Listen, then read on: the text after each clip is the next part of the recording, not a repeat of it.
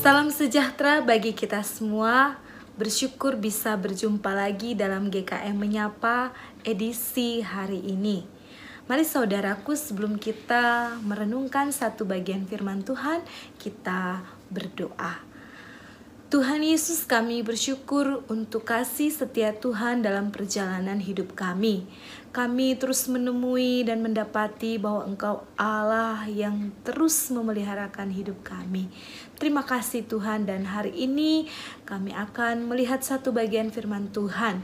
Tuhan tolonglah kami supaya sungguh-sungguh lewat firman ini kami boleh diubahkan, kami boleh terus ditransformasi dengan kasih dan kuasa Roh Kudus sehingga hidup kami sungguh semakin hari semakin mengalami pertumbuhan ke arah kedewasaan Kristus. Terima kasih Tuhan Yesus, di dalam namamu kami datang bersyukur dan berdoa. Amin. Saudaraku, mari kita melihat satu bagian firman Tuhan. Kita akan melihat di dalam Yakobus 1 ayat 14 sampai dengan ayat yang ke-15. Firman Tuhan berkata, "Tetapi tiap-tiap orang dicobai oleh keinginannya sendiri, karena ia diseret dan dipikat olehnya. Dan apabila keinginan itu telah dibuahi, ia melahirkan dosa, dan apabila dosa itu sudah matang, ia melahirkan maut. Demikian firman Tuhan. Saudaraku yang dikasih Tuhan, di dalam bidang ekonomi, kita sering mendengar ada istilah yang namanya keinginan dan kebutuhan. Ada perbedaan yang sangat mendasar antara kebutuhan dan keinginan. Kebutuhan itu berbicara tentang kebutuhan pokok, misalnya makan, minum, pakaian, obat-obatan, dan lain-lain. Dan pada dasarnya, yang namanya kebutuhan harus dipenuhi, tetapi berbeda dengan keinginan. Keinginan itu hanyalah bersifat tambahan. Keinginan itu tidak harus untuk dipenuhi, bahkan boleh ditunda. Saudaraku yang dikasih Tuhan, sebagai anak-anak Tuhan pun kita belajar untuk sungguh-sungguh meneliti di dalam kehidupan kita. Kita harusnya membedakan antara keinginan dan kebutuhan. Misalnya dalam hal membeli sesuatu.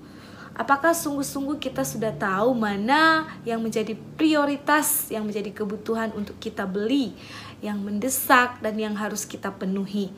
Ataukah kita menggantikan kebutuhan kita dengan keinginan hanya karena keinginan mata untuk kita bisa mewujudkan apa yang menjadi keinginan kita? Misalnya ketika kita ibu-ibu ya, ibu-ibu paling suka ke pusat perbelanjaan. Kalau ke mall begitu melihat ada diskon 50% diskon besar-besaran. Atau bisa melihat produk yang mungkin buy one get one ya. Kita melihat oh beli gak beli satu gratis satu.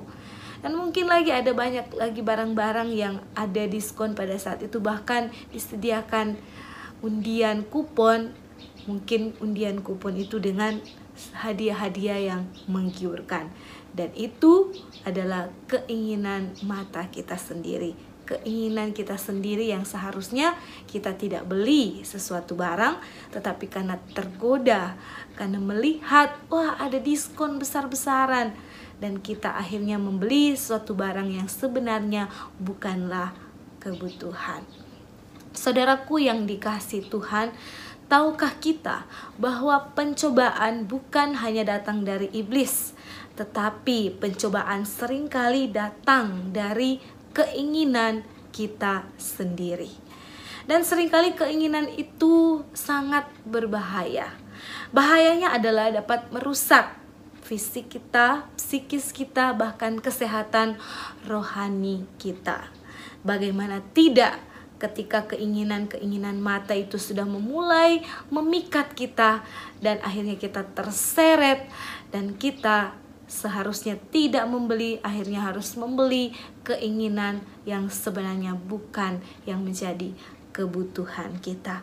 Selain itu, di dalam hal juga ketika mungkin kita berdoa kepada Tuhan, apakah kita berdoa kepada Tuhan, kita meminta yang benar-benar menjadi kebutuhan kita, ataukah hanya sekedar kita meminta yang menjadi keinginan kita kepada Tuhan? Maka kita tidak boleh marah kepada Tuhan. Jika mungkin ada yang kita doakan tetapi tidak dijawab-jawab, mungkin itu adalah hanya keinginan kita. Saudaraku yang dikasih Tuhan, seharusnya kita terus belajar bahwa kita harus menaklukkan keinginan kita kepada Tuhan. Dengan cara apa? Dengan cara kita berdoa kepada Tuhan supaya setiap keinginan-keinginan yang tidak berkenan di hadapan Tuhan Tuhan sendiri yang memberikan kita kekuatan untuk bisa mengalahkan keinginan-keinginan daging kita, termasuk kita terus diberikan kepekaan untuk bisa membedakan mana yang menjadi kebutuhan yang berkenan di hadapan Tuhan dan mana yang hanya sekedar keinginan untuk memuaskan diri kita yang sebenarnya itu tidak berkenan di hadapan Tuhan.